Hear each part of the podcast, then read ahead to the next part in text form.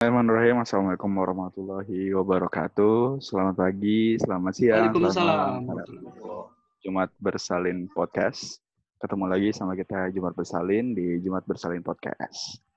Hari ini hari yang berbeda daripada hari-hari yang lainnya karena di episode ini kita akan membahas sesuatu hal yang nggak biasa. Apa yang biasa dari kita hari ini kita akan membahas apa? Sebelum itu kita kenalan dulu. Ada siapa aja eh, hari ini? Hari ini eh, pilot yang biasa kerja lagi sibuk sepertinya. Jadi hari ini diganti sama pilot magang.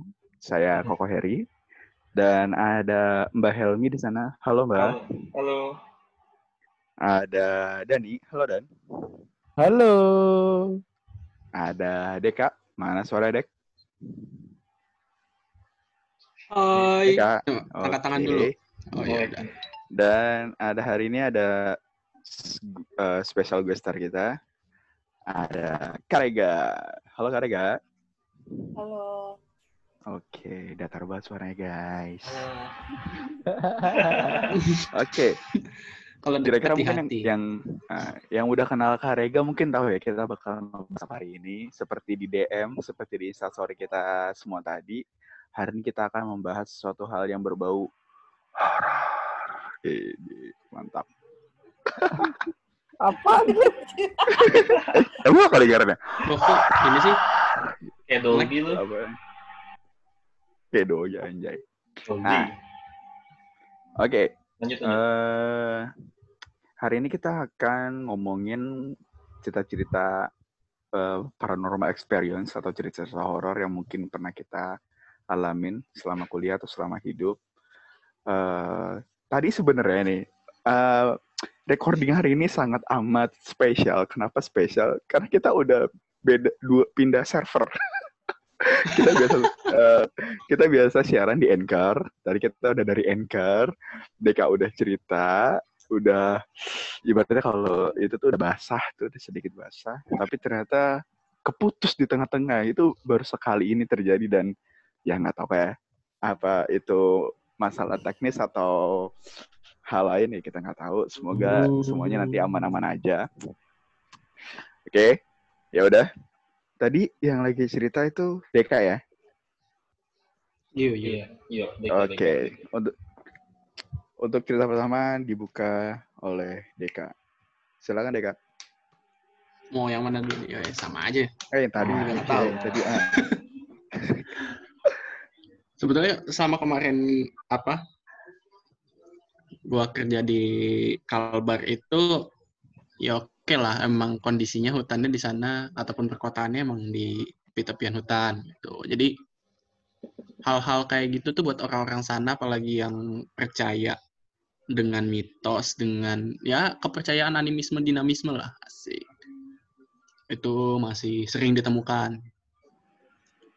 Oke, mungkin ada beberapa sih sebetulnya yang sempat dialamin langsung.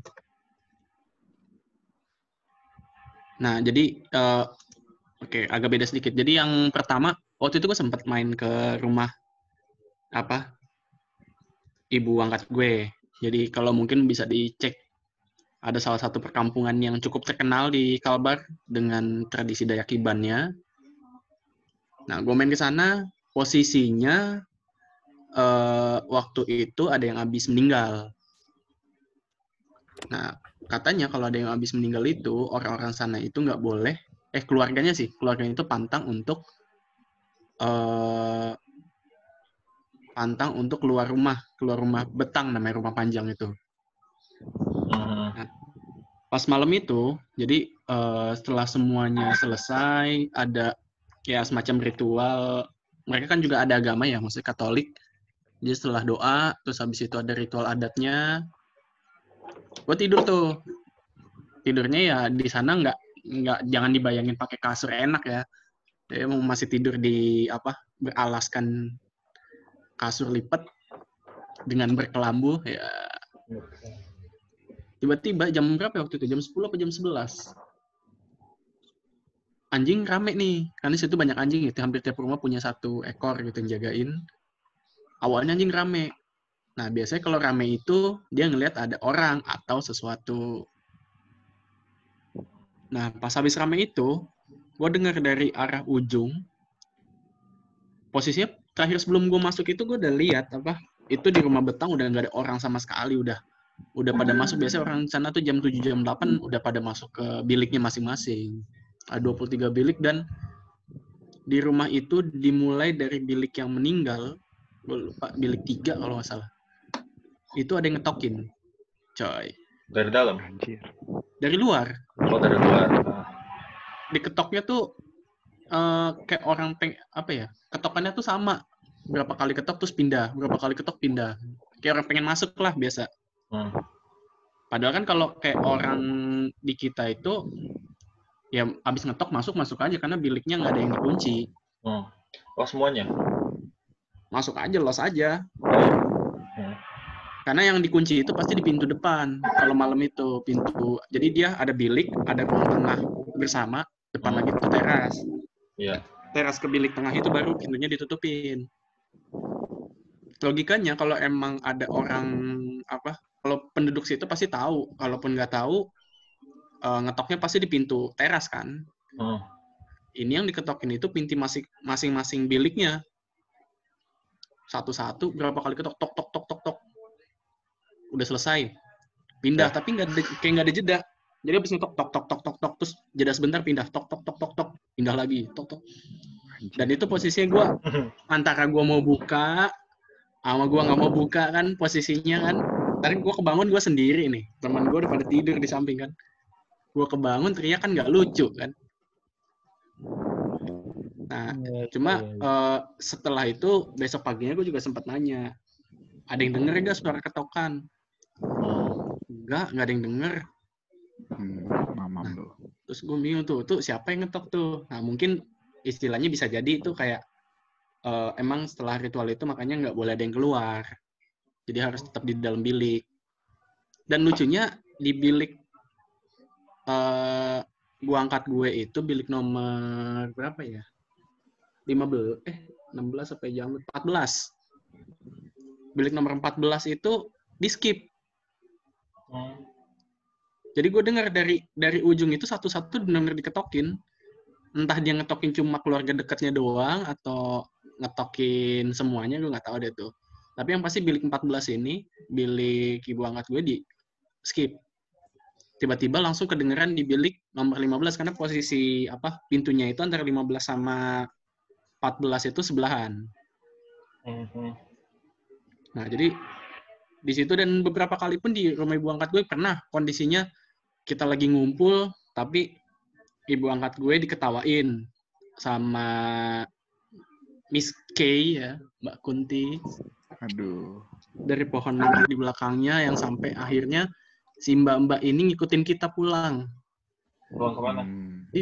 Dari rumah Betang itu terus kita naik mobil sampai di Gapura sampai ke satu kampung sebelum apa ada satu kampung itu temen gue yang bisa lihat ini si mbak-mbak dari pintu Gapura sampai kampung itu yang katanya emang ada kuburan itu ngikutin di samping mobil kita.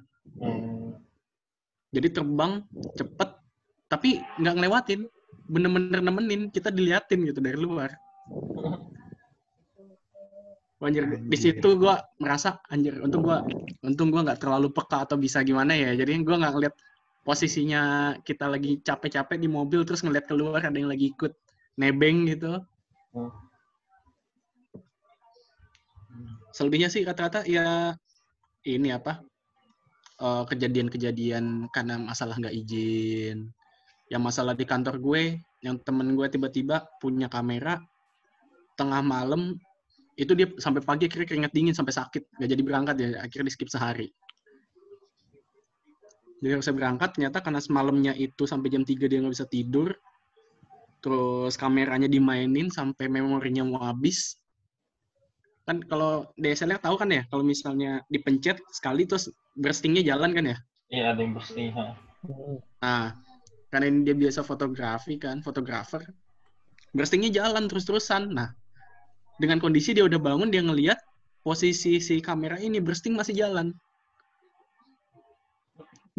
Sampai akhirnya eh, baterainya dicabut. anehnya pas baterainya dicabut masih juga dimainin. Masih tekan gitu. Iya masih ditekan, masih dimainin. Anjir. Wah gila, gue bilang ini setannya kepengen Nanti selfie atau gimana gitu kan. Anjir, gue nggak pernah difoto kata dia. Burung doang yang difoto sama hewan. Kenapa? Apa? Iya, Ya, Bentar-bentar adik gua. ya, ya, ya. Nah, terus satu lagi kasusnya itu ya, gue dua kali tuh di hutan camp. Yang pertama merasa penolakan itu eh, lagi survei, tiba-tiba nggak ada angin siang-siang tuh kan, ada hujan nggak ada gempa. Dengan kondisi itu dari awal kayaknya sih eh, batang pohon itu udah ada di atas tebing, Hmm. kayak nggak ada tanda-tanda mau jatuh tuh. Tapi entah kenapa pas entah kenapa kalau temen gua nih temen gua yang bagian survei selalu digangguin gitu entah mau sama siapa aja timnya kalau ada dia pasti dia digangguin Balak teman lu. Nah itu dia. Posisinya kemarin itu dia lagi jadi PJ koordinator trip. Terus perahunya dia gua empat hari di sana bolak-balik di situ tuh batang kagak jatuh. Nah pas dia datang sana kebetulan apesnya kali ya. Langsung jatuh tuh batang ngancurin perahunya setengah. Nah untungnya nggak ada orang kan, kalau ada orang nggak tahu dah nasibnya bakal kayak gimana tuh kalau di bawah ya. Sama gue pernah baru pertama kali trip kita datang ke tempat yang katanya itu jalur perlintasan orang sana. Kalau di Jambi ada orang Bunian ya semacam itulah. Hmm. Oke. Kita datang ke sana, sore itu udah disambut. Hujan badai sampai pohon itu goyang-goyangnya kayak pengen roboh. Sampai bunyi itu pohon, gue denger banget. Krek gitu. Uh. Dari jam 4 sampai jam 5 so eh jam 6 sore kita baru nyampe camp. Itu kondisi hujan, badai, pohon-pohon eh, digerakin gitu. Malamnya jam 12 kita dikagetin. Posisi tidur kita 12 orang. Temen gue yang cewek itu ada di paling pojok Oke. tiba-tiba pas malam itu dia ngedenger ada suara pohon mau tumbang dia teriak lari ngelangkahin tuh 11 orang di sampingnya tuh Ada orang. nggak tahu gimana caranya 11 orang di sampingnya dia lari. Larinya bukan maksudnya bukan kalau kita tidur bukan ke depannya ya tapi ke samping gitu. Nggak tahu gimana caranya dia ngelangkahin orang-orang itu yang pep pepes ikan. Wah, nge-skip gitu dong berarti. Dan akhirnya kita semua bangun. Nah gua udah nggak mikir panjang lagi waktu itu. Gua ngedenger suara pohon udah mau tumbang ke atas kepala. Gua dalam sleeping bag sleeping bag gua gua tarik. Gua seret-seret pokoknya gua harus ngindarin posisi tempat tidur aja. Hmm. Dan itu beneran ada suara kayak pohon tuh ya pohon abis ditebang lah gitu kan krek. Ini jatuh gitu ya. iya kayak jatuh tapi posisinya kita nggak ada yang ini nggak ada yang jatuh sama sekali Bisa gitu ya. malam itu terus temen gue yang Maksudnya- ngeliat di maksudnya, belakang Kalau dulu yang tadi, yang tadi pohon, maksudnya nggak dari suara krek terus bes suara Apanya? jatuh, tapi nggak ada yang jatuh. Bener-bener kayak pohon tumbang gitu kayak orang lagi nebang pohon ada pohon jatuh suara ini ya Tapi suara apa tumbang. Tapi tapi pohon. ada kayak pohon tumbang tapi nggak ada yang tumbang Sama sekali. Oh. sama sekali Anjay. jadi kayak cuma gaib aja gitu tuh siap apa yang tumbang gue nggak ngerti dan suaranya itu di belakang persis belakang camp kita bener dong besok paginya dicek sama temen gue sama satu guide itu nggak ada pohon yang tumbang sama sekali di atas camp kita nggak ada yang tumbang sama sekali dan malam itu pun kita juga sempat lihat yang apa oh malam itu sebetulnya ada satu orang aduh Kaget gua. sial kaget Anjir, apaan tuh? Kampret. Kaget gue. Apaan? Kenapa? Kenapa? Ya, kenapa? Kenapa? Kampret, kampret lagi serius. Jadi pas malam itu dia keturunan Cina. Terus sempat di mimpinya itu dia berantem sama setan. Oke. kan kali orang Cina berantem sama setan ya. Setannya setan Indo. Oke, Biasanya kan vampir, ini setannya setan kuntilanak. Oke, creepy terus. Nah, jadi katanya sih kalau misalnya berantem itu, dia dicekek katanya, kukunya panjang. Katanya kalau dia mati di mimpi itu, menurut kepercayaan orang sana ya udah, dia nggak bakal balik. Tapi untungnya ada yang udah tahu, udah biasa sama temennya itu dibangunin. Jadi dari malam itu sampai pagi dia nggak tidur. Dan semalaman itu kita gonta-ganti jaga, ada aja digangguin.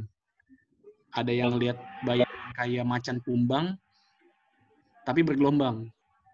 Gitu. Gimana ya? Kayak Bergelombang. bayangan kena lilin gitu lah. Oh, Hmm. Tapi posisinya di belakang di belakang tenda. Nah, nggak mungkin kan di belakang tenda kita pasang lilin atau pasang lampu. Iya, iya. Nah itu kelihatan dari dari dalam bentuk kayak gelombangnya. Terus eh sempat juga temen gue pas malam itu dia dilindes sama kayak ular sanca di lehernya. Lindes. dilindes. Dilindes. Dilewatin kali. Dilewatin tapi dia doang. Iya. Temen gue yang bilang bala itu dari pertama itu cuma Oh, dia ini. doang yang dilindes di bagian leher, dilewatin. Hmm. Terus di apinya itu kita setiap nyalain api pasti dimatiin. Apa Ada yang niup. Gila, Tapi- Deka pokoknya kuat- angin cuma di atas kuat di, banget, anjir. Deka kuat banget di sana lama-lama. di atas pembakarannya itu ya angin lewat situ doang, nggak ada di kita di dalam camp itu nggak ngerasain ada angin berhembus apa pun. Mati. Pokoknya selalu dimatiin aja tuh kayunya. Mati kuat sih, Dek? Jadi kayak kan biasa kan api itu kayak untuk nolak ya, untuk apa? Untuk ngusir lah bahasa gitu. Iya, iya. Buat ngusir hewan. Mungkin dia dia nggak nggak terima mau diusir kali kita mungkin dia anggap kita lewat tempatnya dia mau lewat kita nggak izin Hmm. ternyata benar hari sebelumnya itu buat camp itu belum izin Oh, jadi makanya kita sempat dikasih peringatan tapi setelah itu ya udah kita aman oke. gitu Iya. mungkin itu Kalau kuat, sih kalau kalau kuat sih, Dek. Gila lu. Gila, gila, gila. Untung gue nggak ikut temen gue waktu ke Danau Sentarum dia ngeliat kuyang Goblok. Astagfirullahaladzim. Enteng banget lo ngomong anjir. anjir Masih gue untung kalau kan kalau bilang. ngeceritain pengalaman kita waktu trip itu ada aja beberapa kali gangguan yang kita numpang di gubuk orang tapi orangnya lupa ngasih tahu di situ ada yang jaga dan yang jaga juga belum tahu kalau kita mau numpang Hmm, itu semalaman digangguin anjir. Eh, tapi dek, dek. Ya. Tapi gue penasaran tadi yang soal foto. Gue lupa tadi main nanya. Itu kan foto ya. Terus hasil memorinya gimana? ada Ada apa? ada di hasilnya jadi kayak ya misalnya moto ke apa karet tembok ya udah gambar tembok itu aja terus terusan Oh, Hmm, Maksud- oh maksudnya nggak nggak ada nggak ada foto Nggak yang ada foto yang- aneh-anehnya. enggak cuma kan karena nggak fokus jadinya blur Hmm, oke. Setannya belum tahu minta diajarin kayaknya Kas- Kasih tutorial bang. Iya, perlu kalah. tutorial dia. Tapi kalau kata volunteer yang sempat magang di situ sih, eh, biasanya kalau kita lagi kerja di ruang tengah itu, kalau malam suka ada yang nengokin dari, kan lantai dua ya. Itu di atas itu, suka ada yang nengokin palanya doang tapi nongol. Hmm. Jadi kayak ini loh, kayak, kayak kita ngeliat ke kolong ke kolong apa kasur, Oh, tapi kepala kepalanya doang kayak penasaran, oh ada yang lagi kerja di bawah. Dan itu sering. Anjir. Lihat? tiap Udahlah bungkus. Eh bungkus aja lah udahlah udah. Rekamannya bungkus. Anjir. gue gue yang ngusulin. Gue yang jiper. Lu pertama dikasih langsung ke Deka. Ya, Udah tahu di Kalimantan ya. Iya ya. Aduh salah dah. Ini belum ini belum ka- ini belum karega loh. Ini kata Karega, anjir lu ngapain sih biasa aja kali ya. Eh, eh coba gara-gara tanggapannya gara-gara. Ya, apa sih namanya? Temen lu yang ngeliat kuyang itu terus gimana? Itu posisinya jadi katanya emang itu bekas apa sih kayak lahan itu lahan sengketa, jadi emang nggak ada yang bisa ditinggalin. Akhirnya orang Melayu datang ke situ, terus ada ada masjid, masjid ditinggal tengah sawah. Itu dia ngelihatnya di atas itu, Hmm. di atas masjid itu muter-muter. Muter. Badannya di situ kali karena masjidnya udah nggak dipakai kan. Jadi dia naruh badannya di situ. Bisa jadi sih, karena di situ emang gak ada yang tinggal. Oh iya bisa Oh. jadi ya. Bisa jadi. Dan Diumpetin dia juga badannya. ngeliatnya sih sekilas gitu, karena dia lagi mau ngencing kan, gak jadi ngencing. Akhirnya dia pindah tempat. Lucu Tapi dia Emang itu Dia nggak sempet ngeliat nggak sempet ngeliat apa namanya sosoknya jelas gitu. cuma ngeliat apa sih? Kayak ada yang Eh, Deka, si kuyang jangan sebut nyala. merek, coba jangan sebut merek. Coba. Oh, langsung kebayang. Iya, saya Mual ya? tersuggest. Mual gak sih? Mual ya ngeliat Ah. denger- dengernya mual. Oh, itu mungkin Organ. karega sih. Ya kan Kalau gue sih lebih ke jiper, Kak. Oh, Kalau gue lebih ke jiper. ya lu kayak ngeliat ngeliat usus sa- usus sapi pas korban itu loh terbang-terbang kan Hmm. mual. Bau lagi. Aduh. Gak usah dibayangin juga. Cuma Tambahin percuma. bau. Koko pasti kebayang Koko. Apa pun dibayangin sama Koko, percuma. Kayak gue dengerin ini sambil nonton Teletubbies deh. Naturalize gitu. Tapi iya sih kayaknya bisa jadi ada badannya atau kan sebenarnya kuyang itu harus ada badannya atau ketika dia mati itu emang jadi kuyang gitu. Itu Kalau yang gue-. Iya, yang gue tau sih Pilihan, gitu. Heeh, heeh. Jadi Dia pengen- eh, orang yang ilmu ilmunya ilmu hitam gitu. Jadi dia Hmm. badannya sama organ-organnya tuh terbang misah sama tapi katanya jantungnya enggak, enggak tahu deh gue. Katanya jantungnya kan masih tinggal di badannya kan. Jadi Hmm. kalau misalkan nemu badannya di, dibawa pergi gitu maksudnya. Supaya dia katanya kalau- bingung. Kalau di kampung gue katanya alasik ya kalau di Padang katanya. Ah, ah, ah. Iya, iya. Iya, iya, iya. ah, Sama-sama. Itu orang sana tuh nyari badannya terus di lehernya tuh ditempelin pakai paku. Anjir, serem amat. Dia Jadi si si apa yang terbang-terbang ini kan nggak bisa masuk lagi ke badannya kesakitan kan? Tengganjel. Oh. Iya, iya. Gua Di situ gila, bisa meminta tiga permintaan asli. Asik. Deh, kocak. Kayak Dragon Ball. Ya jadi kayak apa syaratnya supaya kita bisa nyabut pakunya itu ya kita dikasih apa yang kita mau. Nah biasanya dukun-dukun itu nyari badannya. Hmm. Ada sih gitu. Ya emang yang dia makan sih emang bukan apa ya, bukan orang dia nyarinya tuh kayak ba- energi aura bayi yang baru lahir kayak gitu-gitu kan? Mm-mm. Katanya sih. Kuya, Kenapa si nggak nggak pas itu badannya? gitu. Kenapa nggak pas organnya terbang-terbang badannya diisi Play-Doh? Gimana, gimana? Gimana, gimana, gimana? Gue lagi minum loh tadi. Gue lagi minum. Saya, Gimana? saya merasa Pakai ada yang janggal gitu ya. Play itu anjir. Pas badannya terbang-terbang, organnya terbang-terbang, badannya diisi Play-Doh. Biar letoy. Ada isinya gitu. Ada isinya gitu. Biar susah dia masuknya kan. Oh iya juga. Nempel gitu ya. Iya. Heeh. Ya ada cerita Oh, lain ada. deh, cerita lain, cerita lain. Play itu anjir. Ntar gue masih ya, Play itu. Baca cerita, ada cerita lain nggak? Apa ya, kalau gua, gua pribadi cerita serem tuh, apa sih, gua nggak tahu ini, gua nggak apa nggak ya cerita seremnya ya. Jadi waktu itu gua masih SMP ya. SMP itu gue ikut taekwondo kebetulan. Kayak ikut apa namanya bela diri pasti tahu kayak ada namanya jurit malam ya kegiatan kayak gitu. Nah, Iya, iya. Nah, jurit malam gitu ada kegiatan puncak, jurit malam. Nah, ceritanya waktu itu, kalau nggak salah, gue belum ini, belum pakai kacamata ceritanya. Minus kan mata gue tuh, borem lah. Jadi kan itu jalan ditarik tuh ke ujung dari dari villa sampai titik pelepasan itu sekitar berapa ya? Mungkin berapa ratus meter gitu ya dari villa. Emang jalannya cuma jalan jalan apa namanya? Jalan kampung biasa gitu. Uh, kondisi kan mata ditutup kan waktu jalan tuh jadi kita nggak tahu so, kata nanti nggak mau gue ikutin jalan oh ya udah gue iya ya aja pas begitu pelepasan ya biasa eh, kalau gue memang mata gue minus gitu, nggak jelas ngeliat apa-apaan. Terus tapi waktu di dekat bambu, gue kayak ngeliat ada orang yang duduk kayak gitu, cuma ya udahlah. Gue pikir ah, paling salah satu senior atau apa ya udah gue lewat aja gitu kan, lewat. Nah, cerit pokoknya pokoknya gue yang gue ceritain sekarang ini mungkin lu masih mikir ini anehnya di mana ya? Nanti ente cerita ada cerita anehnya.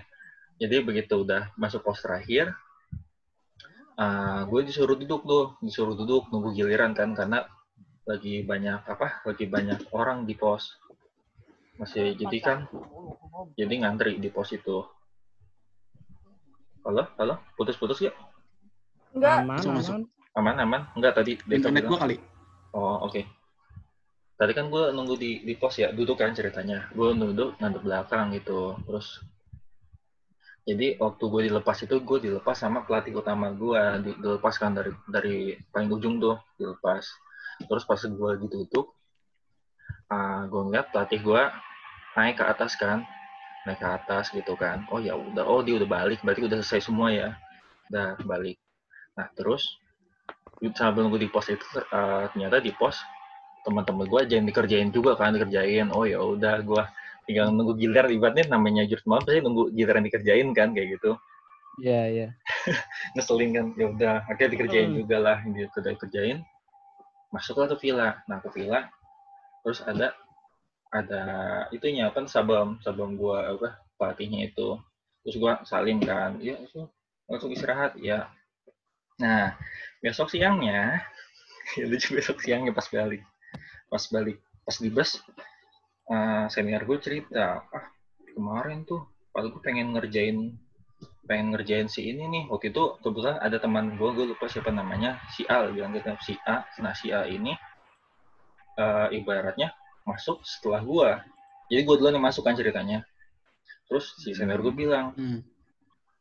itu kemarin gue cuma bisa ngerjain sampai lu doang nih kemarin si A ada sabam jadi gue nggak berani ngerjain oh gitu jadi terus sabam baru naik pas kapan iya pas si A masuk pos terus tadi gue terus semalam gue salim sama siapa Iya, iya, iya.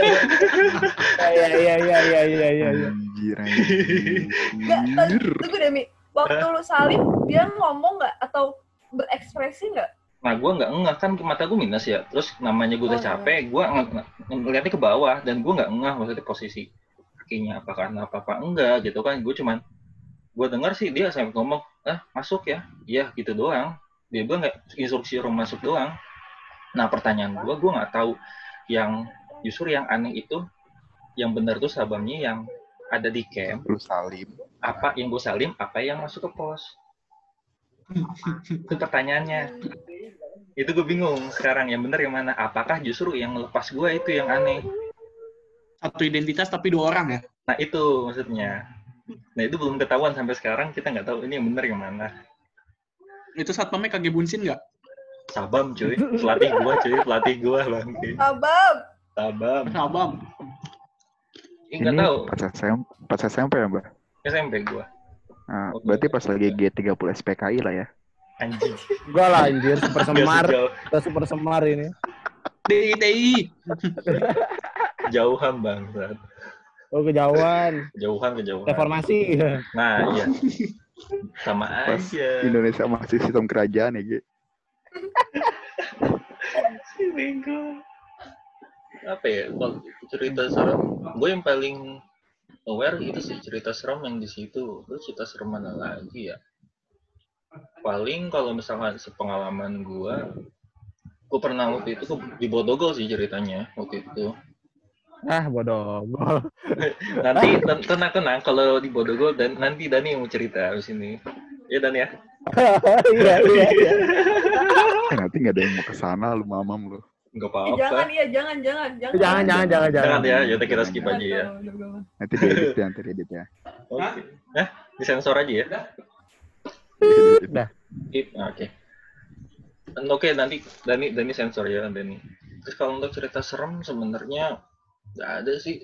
Gue pribadi nggak pernah ngalamin cerita-cerita serem. Cuma paling di rumah aja sih. Kadang gue ada hal-hal ngeselin sih sebenarnya. Jadi gue pernah ceritanya itu melihara kura-kura. Jadi gue dapet kura-kura dari kakak angkat gue gitu kan. Ya, gue seneng dong dapet kura-kura gitu kan gue pengen pelihara. Jadi kan rumah gue dua lantai.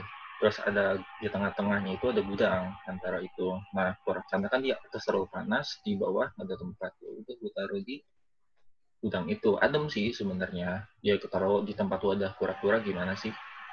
Di tempat yang agak kecil gitu, tapi kura-kura juga masih kecil. Nah, gue taruh di situ. Gue balik dari kampus, gue balik. Gua, terus gue cek kok nggak ada, gue ngasih makan terus dia tanya. Terus gue nanya ke nyokap sama itu. Enggak kok, malah nggak tahu ada kura-kura di situ naruhnya. Terus sampai sekarang nggak pernah ketemu apa bangke itu kura-kura. Terus Tempat wadahnya juga nggak ada. ah, wadahnya ada, isinya nggak ada. Oh, Lu bingung. Kabur. Kabur juga maksud Tapi- gua ketutup cuy. Ketutup. impossible ya dia. Ketutup. Dan impossible ya dia manjat. Dia kan nggak bisa manjat. itu kalaupun manjat pasti dia mati bau busuk kan ini nggak ada bau busuk sama Iya. sekali nah terus gue kadang kalau di sini kadang gue kesel aja sih maksud gue gini. Kayak tadi contohnya gue main pick ah, main gitar main pick lagi. Ada pick kan pick gue taruh nih. Terus lagi terus gue main main fingering gitu fingering. Main terus gue nyari pick gue pick gue ke mana? Terus gue kesel kan. Ya udah gue pindah. Terus ya udah gue udah lupa tuh udah sejam dua jam lebih gue mas balik ke kamar. Tadi gue lagi cek cek anchor sama ini ini pas gue bangun tiba-tiba ada pick di kasur gue ih ya udah bodo amat. Gue sering diisengin emang gitu gitu terus ya udah gue biasa aja. Kan Oh. memang ya udah gue gue merasa ya udah gue juga nggak merasa terganggu kok kayak gini aja. Udah kalau gue gue bingung ya kalau mau cerita serem. Nggak ada sih. Nothing. Kalau kayak gitu mah, kalau cerita kayak gitu yang kayak diisanya sengin gitu, nyokap gue sering. Oh, sering tuh gimana tuh? Kalau nyokap gue sering di dapur tuh. Kayak alat-alat dapurnya dia di sama kayak lu. Dia nyariin. Terus nggak ada. Terus toto ada di depan mata. kan kesel ya Nah, kalau kalau nyokap sih, kalau dulu kan kayak ya udah masa bodoh. Kalau nyokap enggak. Dia tukang Diomelin. lugas. Iya, dia tukang lugas. Diomelin sama dia. Woi, lu simpen di mana pisau gua? Gua mau masak, lu mau makan begituan. Lu mau masak apaan? Gitu, emang nyokap gue tuh gitu malah. Karena emang nyokap, kalau di rumah yang sering disengin emang nyokap. Kalau hmm. gue Galak sih banget bersyukur nyokap nggak ya. pernah. Nyokap gue barbar bang, kak. Nyokap gue barbar. Cuma kalau kata mbah gue, Hmm. nggak kata mbah gue doang sih maksudnya. Kata bude-bude gue, kata ibu gue, kata mbah gue di kampungnya itu, eh, kalau ada piring, panci, pokoknya alat masak yang hilang, itu biasanya dipinjem buat hajatan. mereka Kata gitu. Nah biasanya tuh, gimana ya? Malamnya itu biasanya kedengeran suara gamelan. Tapi eh, ini Gamelan? Anjir. apa? Jadi kayak orang di kampung sini dengernya kayak di kampung sebelah, tapi orang kampung sebelah dengernya kayak di kampung sini gitu. Oh. Waktu itu pernah, waktu itu pernah pas kita lagi pulang kampung gitu, em, mbak gua nyari apa gitu kayaknya ke, ke dapur, ke pawon terus nggak ada. Nanya kan, mbak ini ke mana? Kok nggak ada gitu? Ada di situ, dicari aja nggak ada. Terus mbak gua ke pawon, oh dipinjem kali. Gitu. Udah ngomong gitu doang. oh dipinjem kali, udah biarin aja besok juga balik. Bener besok balik di tempat yang sama gitu. Maksudnya karena di cucian nggak ada, di rak nggak ada, dan malamnya ada suara gamelan. Ya udah, oh Dikasih Bukan besek ya? nggak kak? Dikasih besek nggak? mohon maaf nggak usah deh. Usah, makasih. Bisa Nggak tahu ya kalau di Jakarta mereka model modelannya modelannya itu eh, eh, apa gitu maksudnya ngapain lu ngambil ngambilin kayak gitu motivasinya ya kalau kalau di daerah rumah mbah gue sih kayak gitu Hmm. Oke. Iya. Nah, ada lagi kan yang mau cerita? Kalau nggak ada, Lu kita kok. lanjut ke cerita followers. Ah, lu nggak mau cerita dulu kok yang tentang tentang itu nggak cerita kok Udah berapa lama nih kita recording? Udah berapa lama? Takutnya kelamaan. nggak tahu Tenang kita bikin dua part kalau perlu. Iya kalau emang stopnya kita bikin dua part aja. Oh gitu. Ya, Oke sih. Oke. eh, karena tadi pada nagih cerita, gue gue ada sih eh, dua cerita yang satu itu gue alamin sendiri, yang satu lagi gue ngalaminnya rame-rame. Oke, gue mulai sama cerita gue yang ngalaminnya rame-rame. Jadi cerita awalnya itu eh, ketika lagi kuliah botani di biologi ada kuliah botani itu kuliah yang eh, belajar tentang tumbuh-tumbuhan yang mengharuskan adanya kuliah lapangan. Nah, kuliah lapangan yang ini dilakukan yaitu di salah satu pulau di Jakarta. Gue nggak mau sebut pulaunya apa. Itu pokoknya di pulau Jakarta. seribu. Ya, di gugus Pulauan Seribu. Di salah satu dari seribu pulau itu. Yang salah satunya ya. sebut. Ya, gue nggak mau sebut gitu ya. Nah, tibalah eh, kita di pulau itu, terus di hari pertama, gue kebagian di kita ini pakai dua pulau, pulau A sama pulau B. Kita anggap pulau A, pulau A sama pulau B. Pulau A tempat kita nginep, pulau B tempat kita pengamatan. Hari pertama, gue kebagian observasi di pulau B sama kelompok-kelompok gue kebetulan gue itu sebagai kakak mentor. Kakak mentor ini tugasnya ibaratnya kayak asdos lah, asisten dosen untuk nemenin mahasiswa yang lagi ikutan kuliah itu. Kebetulan gue udah lulus dari kuliah itu. Nah, singkat cerita, udah sampai di pulau, gue itu nemenin kelompok yang isinya semua cewek berlima atau berenam gitu, gue lupa. Berenam kalau nggak salah. Berenam. Jadi kita jalan bertujuh sama gue kita jalan dan semua di sana tuh banyak banget orang. Mahasiswanya tuh udah ada serat bisa lah 50 lebih di satu pulau itu. Di pulau B itu. Nah, kita dibagi beberapa kelompok, akhirnya kita nyebar sesuai dengan uh, plotnya masing-masing. Gue ingat banget waktu itu gue ketemu tiga senior uh, atau tiga kelompok lain. Nah, gue ngobrol-ngobrol-ngobrol, dibilang kak lo mau di mana? Oh gue di sini her. Oh ya udah gue ke sana ya kak bilang, udah kita jalan kita jalan kita ngamatin tumbuh-tumbuhan sampai pada akhirnya kita kayak kok eh, kita sendiri ya gitu. Kok kayaknya gue gak ngeliat kelompok lain ya gitu kan. Ya udah gue tetap stay cool eh gue tetap ngamatin tumbuhan sama bocah-bocah ini akhirnya ketemulah sama satu pohon satu pohon ini apa? Ini pohon yang nggak ada di pulau itu. Logikanya, iya sih, eh, setiap pulau mungkin punya karakteristik masing-masing. Tapi logikanya setiap pulau itu pasti punya pohon kelapa. Tapi di pulau itu tuh pohon kelapa tuh bisa dihitung pakai jari lah. Dan nggak banyak. Kebanyakan di sana pulaunya tuh pohon-pohon bakau gitu. Bakau lebat banget. Nah, akhirnya gue nemu nih pohon kelapa karena gue yang mentorin jadi gue hafal pohon apa aja yang kita udah temuin terus gue bilang sama bocah-bocah itu "Eh, dek sini deh gue bilang ini kita nemu nih pohon kelapa gue bilang gitu kan.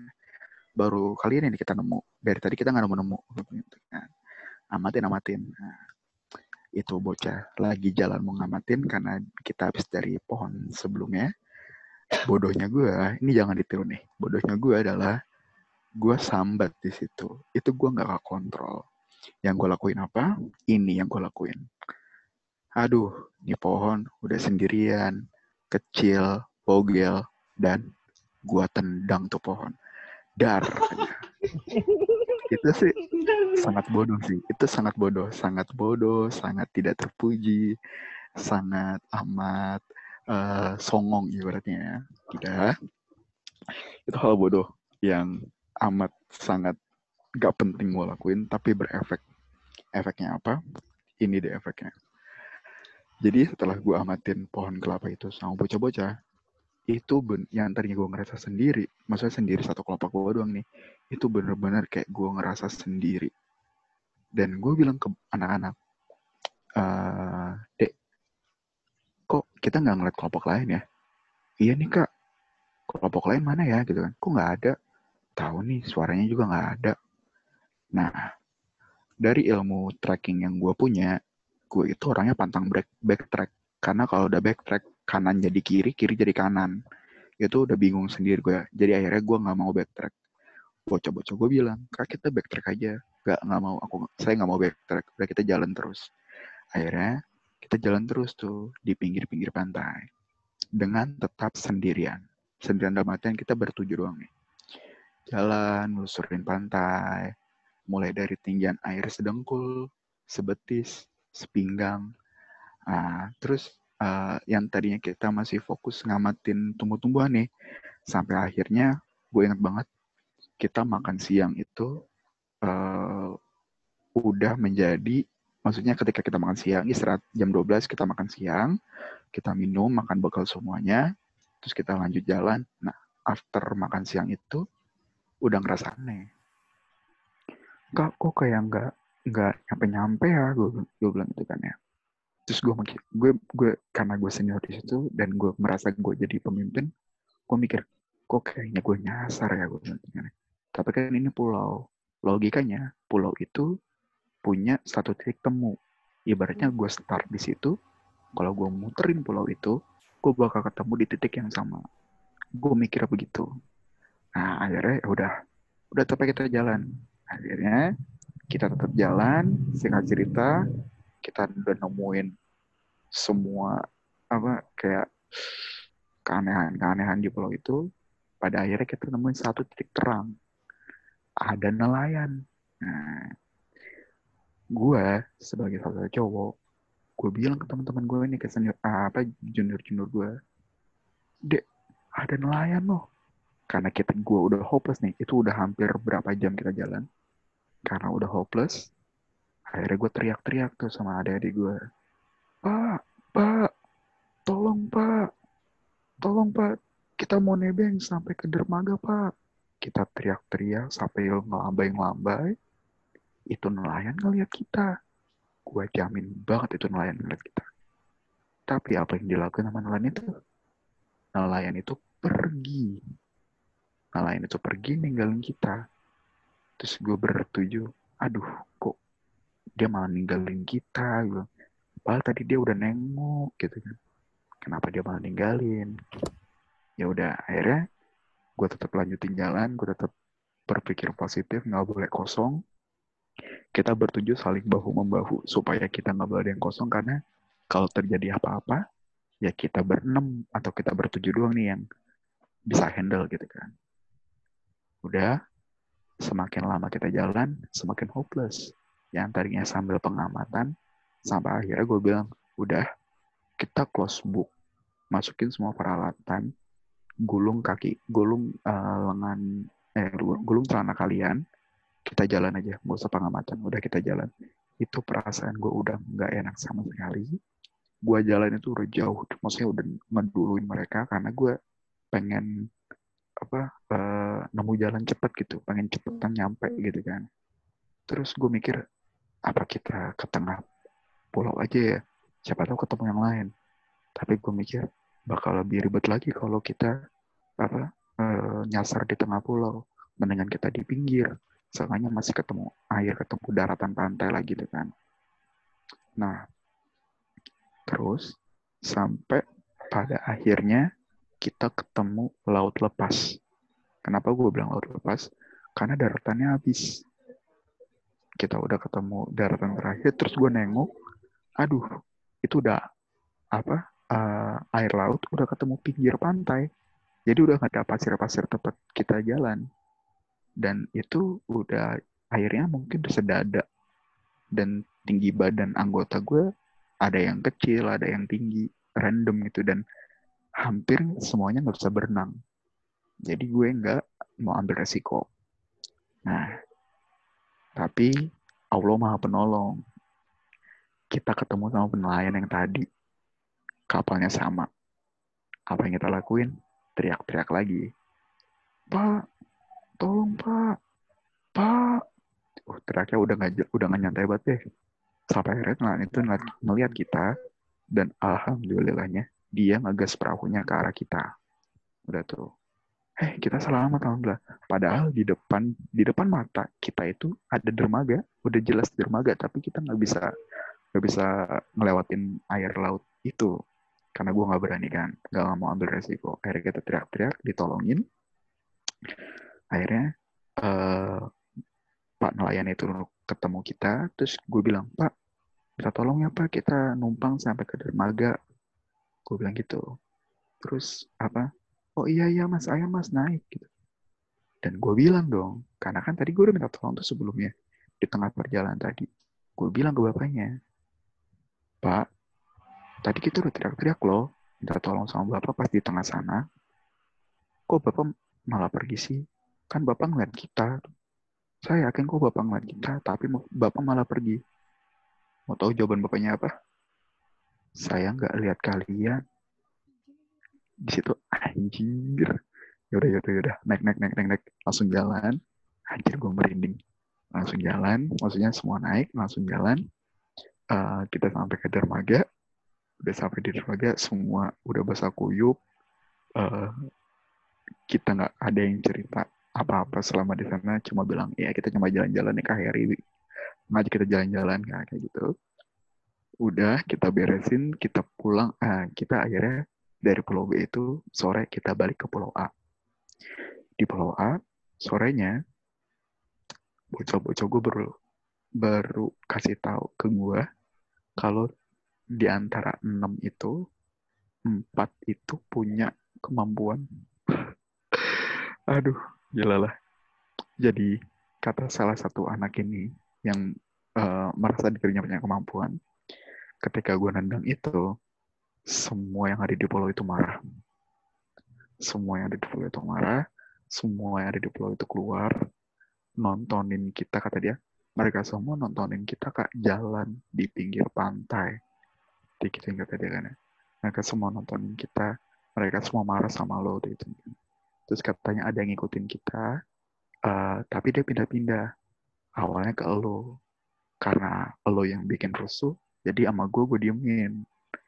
Terus kata dia, tapi karena elunya nggak kosong, dia pindah-pindah ke teman gue, misalnya ke yang lain, ke si A, ke A, ke B, ke C, ke D, kata dia gitu kan. Ya.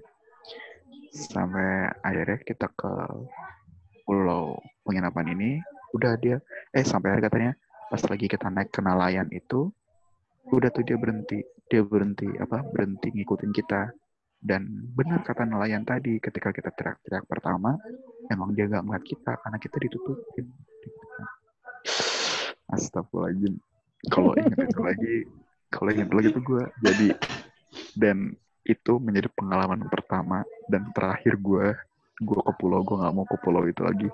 Mau ada field trip mau ada undangan apa gue nggak mau ke pulau itu lagi. Mantap. Apa namanya? Kan dari enam dari enam empat orang yang eh gue ah uh, uh, iya. Tapi dia nggak maksudnya nggak overpowering gitu kak. Dia nggak yang nggak yang punya apa maksudnya kemampuannya ya mungkin ada yang bisa ngerasain ada yang bisa lihat tapi nggak bisa komunikasi kayak gitu-gitu. Oh, sensitif lah ya. Iya, sensitif. Oh, ya, sensitif gitu. Dan itu berefek.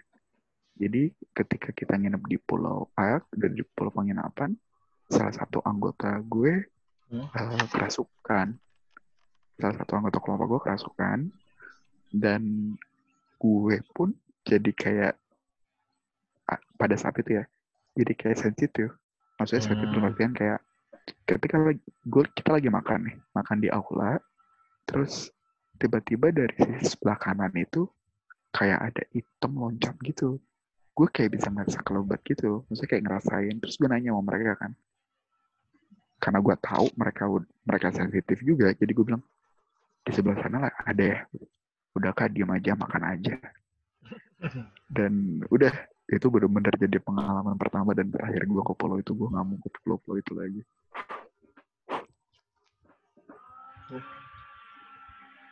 Takut dari tagging ya? Apa? Kayak di tagging. Iya kayak di tagging. Gue nggak mau sih.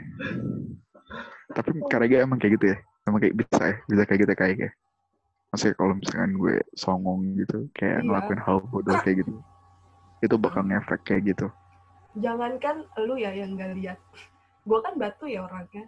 Maksudnya gue Ah. tahu banget nih gue kayak gini orangnya gitu dan eh, temen-temen yang cukup dewasa dan bijak tuh sering ngingetin gitu. Kamu tuh ngerti gitu. Kamu tuh orang yang ngerti dan mereka tahu kalau kamu ngerti. Mbok ya kamu juga apa ya ada unggah-unggahnya gitu loh ga. Tapi gue selalu berpikiran ih kan mereka tak kan yang ngeliat mereka cuma gue ya suka-suka gue lah gitu loh. Nah, Nah, waktu itu pernah kayak gitu waktu yang pernah gue tulis di malam Jumat kayaknya tapi nggak gue nggak nggak gue highlight. Ya waktu di daerah Jawa Tengah itu. Kayak gitu. Jadi gue ngeliat mereka mandi sama cewek ya istilahnya kan gitu. Sama cewek nih mereka lagi mandi temen-temen lu cowok ya lu ngasih tahu. Jangan ke situ dulu. Maksudnya kan gitu ya. Gue enggak. Gue biarin aja temen-temen gue pada nangkepin kelelawar. Terus ya udah hilang semua datanya. Terus kita lah ini gimana nih? Data hilang semua. Gue diem aja. Saat itu temen-temen saat itu teman-teman kelompok belum ada yang tahu kalau gue bisa ngeliat gitu. Oh. cuma ada satu yang tahu itu eh, tim tetangga dan tim tetangga ini juga yang gue sebut Mas Fajri Mas Fajri itu juga nanya kamu masuk ke dalam? Iya. Kesendang iya. Ngambil foto? Iya. Kamu izin? Enggak. Terus dia cuma yang narik nafas doang. Ya dan selalu ngulang-ngulang gitu loh termasuk yang ngasih tahu gue kalau kamu tuh tahu mereka tahu kamu tahu. Mbok ya kamu izin. Ih kan aku izinnya sama yang punya hutan aku kan izinnya Bismillah gitu loh paham nggak Oh. ya. Iya, iya. Hmm. seharusnya kalau lu masuk bukan cuma sekedar Bismillah atau Assalamualaikum tapi karena lu tahu di situ ada makhluk lain ngomong gitu ini saya permisi nih gitu masuk mereka tuh maunya kayak gitu Hmm. cuma gue takut menyalahi akidah aja gak sih gue tuh takutnya terus gue merasa gimana gitu gue menyalahi akidah gak sih kalau gue ngomong kayak gini suka, mikir gitu sih cuma setelah itu setelah kejadian itu maksudnya gue jadi kayak ya udah gue ngomong aja deh permisi deh gitu Tapi kak, setelah gue kan gue baru tahu tuh belakangan ini kayak ada orang bisa nyebrang ke dimensi mereka gitu kan ya. Dan apa yang gue rasain pada saat itu emang kayak sepi aja tuh, nggak Iya nggak ada. Maksudnya gue cuma bertujuh, kayak nggak ada orang. Gue nggak ngeliat segi, gue nggak ngeliat temen lu kak. Gue nggak ngeliat temen lu, maksudnya temen lu tuh arah, ambil arahnya searah sama gue, tapi gue nggak nggak ngelihat mereka dan bocah gue nih, bocah gue pada saat sebelum gue nendang nih, eh, jalanan jalanan eh, pulaunya kan lumpur-lumpur apa? Jadi kalau kita injak tuh jeblos gitu kan. Nah, gue bahkan nggak ngelihat jejak-jejak kaki siapa siapa dan kata bocah bocah itu dia bilang bahkan tanah yang udah kita injak pun nggak ada jejaknya kak gitu kan. Gue sih di waktu itu nggak notice tapi gue kayak baru ngeh. Pas lagi gue mikirin podcast ini gue baru ngeh mungkin gak sih ketika gue habis nendang itu terus kita bertujuh kayak diajak main ke dimensi Iya. mereka atau Heeh. bisa. Serius? udah udah masuk dimensi lain sih. Sepi my kan nggak lihat orang kan ada angin nggak? Ada angin nggak Nggak ada, nggak ada. Harusnya nggak ada sih di sana. aduh gue nggak notice sih kak nggak notice apa gue cuma pengen udah cepetan dermaga dermaga dermaga gitu sih Hmm. Waktu Angin. berarti sejak dari lu nendang itu sampai ketemu nelayan yang kedua, Heeh. itu lu udah masuk dimensi mereka sebetulnya. oh my Hmm. Hmm. oh my Selamat Koko. Terus kan dibayar pakai apa? Kan katanya ada ada yang ada transaksi tuh. Dibayar pakai capek apa? nggak? Berasa capek nggak malamnya? Capek lah. Tapi lu pasti jalan. capek lah orang gua capek jalan gitu ya. iya orang itu jalan sumpah kayak udah berjam-jam gak gak kayak anjir di jalan gak nyampe nyampe gak ada ujungnya gue mikir gitu Untung lu masih ini kok. Energi lu masih ada kok. gue ngerti lagi deh Tapi bisa jadi kayak gitu karena maksudnya nggak secapek itu karena lu nggak tahu. Jadi mereka sebenarnya tahu kalau lu nggak tahu. Paham nggak? Nah, Iya. kalau misalkan gue, kalau misalkan gue yang kayak gitu, mungkin gue bakal dihabisin Iya. Hmm. karena mereka tahu, lalu kan tahu, jangan kurang ajar dong, gitu misalnya. Tapi karena mereka tahu lu nggak tahu, karena Oh, eh, keselnya tapi- karena keselnya cuma karena omongan, bukan karena sikap gitu. Bisa jadi. Tapi kan gue sikap ngeselin, ngomong ngeselin. Tapi kan lu nggak ngeliat di situ ada siapa, Iya sih. nggak tahu ah. kan istilahnya. Iya. nggak tahu ya nggak tahu ya bener tapi emang kalaupun kita masuk ke dimensi mereka tapi tampilannya masih kayak maksudnya kayak bumi yang gue pijak gitu Ya emang gitu. Oke Cuma manusia lain nggak ngeliat lu. Itu yang Oke, kayak soal bis bis apa tuh? Yang bis yang masuk bis iya iya iya iya iya iya bis Iya. Bandung itu Social distancing. Sih, Apaan anjing? anjir Iya benar thank you benar. Dek, thank you Dek, thank you Iya Dek, udah sih. mengalihkan thank you Dek, thank you Dek, udah mengalihkan thank you gue langsung ngebayangin pulaunya anjir Cukup, cukup, cukup, cukup.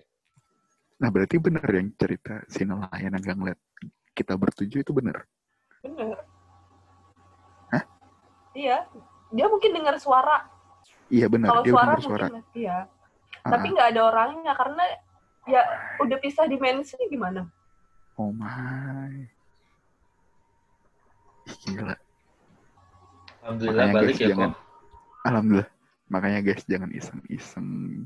Yang tadi Karega bilang unggah-ungguhnya diterapkan. Jangan songong. gue pun gak ngerti, gue pun gak ngerti, gak tau gue ngide dari mana. Tiba-tiba gue ngucap kayak gitu, tiba-tiba gue nendang kayak gitu. Gue, gue juga gak tau gue ngide dari mana. Tapi kalau kayak gitu Karega maksudnya kayak sifat eh, kan kita sering ke lapangan ya. Kebetulan di sini kan banyak anak lapangan juga nih. Hmm. kayak misalkan kayak Harry Koko yang yang gua tahu memang agak maksudnya emang rasional gitu kan.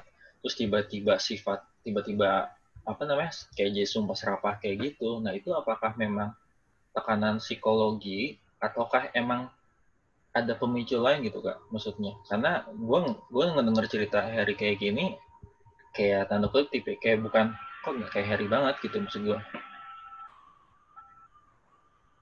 Mungkin psikologi sih kalau menurut gua. oh gitu mungkin ya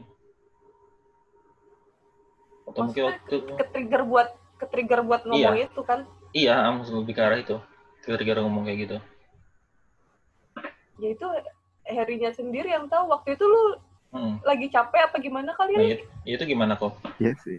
Waktu itu gue kayak, eh ya mungkin capek sih nggak kali ya, tapi kayak excited karena baru itu nemu pohon kelapa dan pohon kelapanya boncel.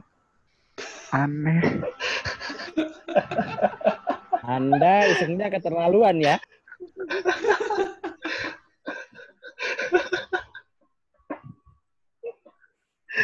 oke oke oke Dan katanya hari selanjutnya nih, kan tukeran tuh.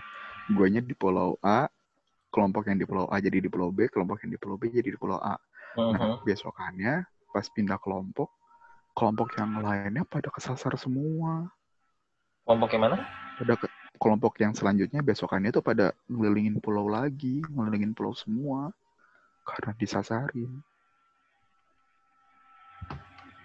bisa Terus setelah uh-uh, setelah Hmm. mereka tahu kelakuan gue, gue yang disalahin. Ya iyalah. ya iyalah playing victim gitu suatu kewajiban. Oh, elu anjing gitu kan gara-gara elu ya anjing gitu kan. Semua jadi nyasar. gitu ya Ada advance-nya nggak sih? maksudnya gimana kak Eh, nggak ada kak, advance nggak ada. oh FM-nya Advance Nggak ada. ada, langsung nggak nggak ada.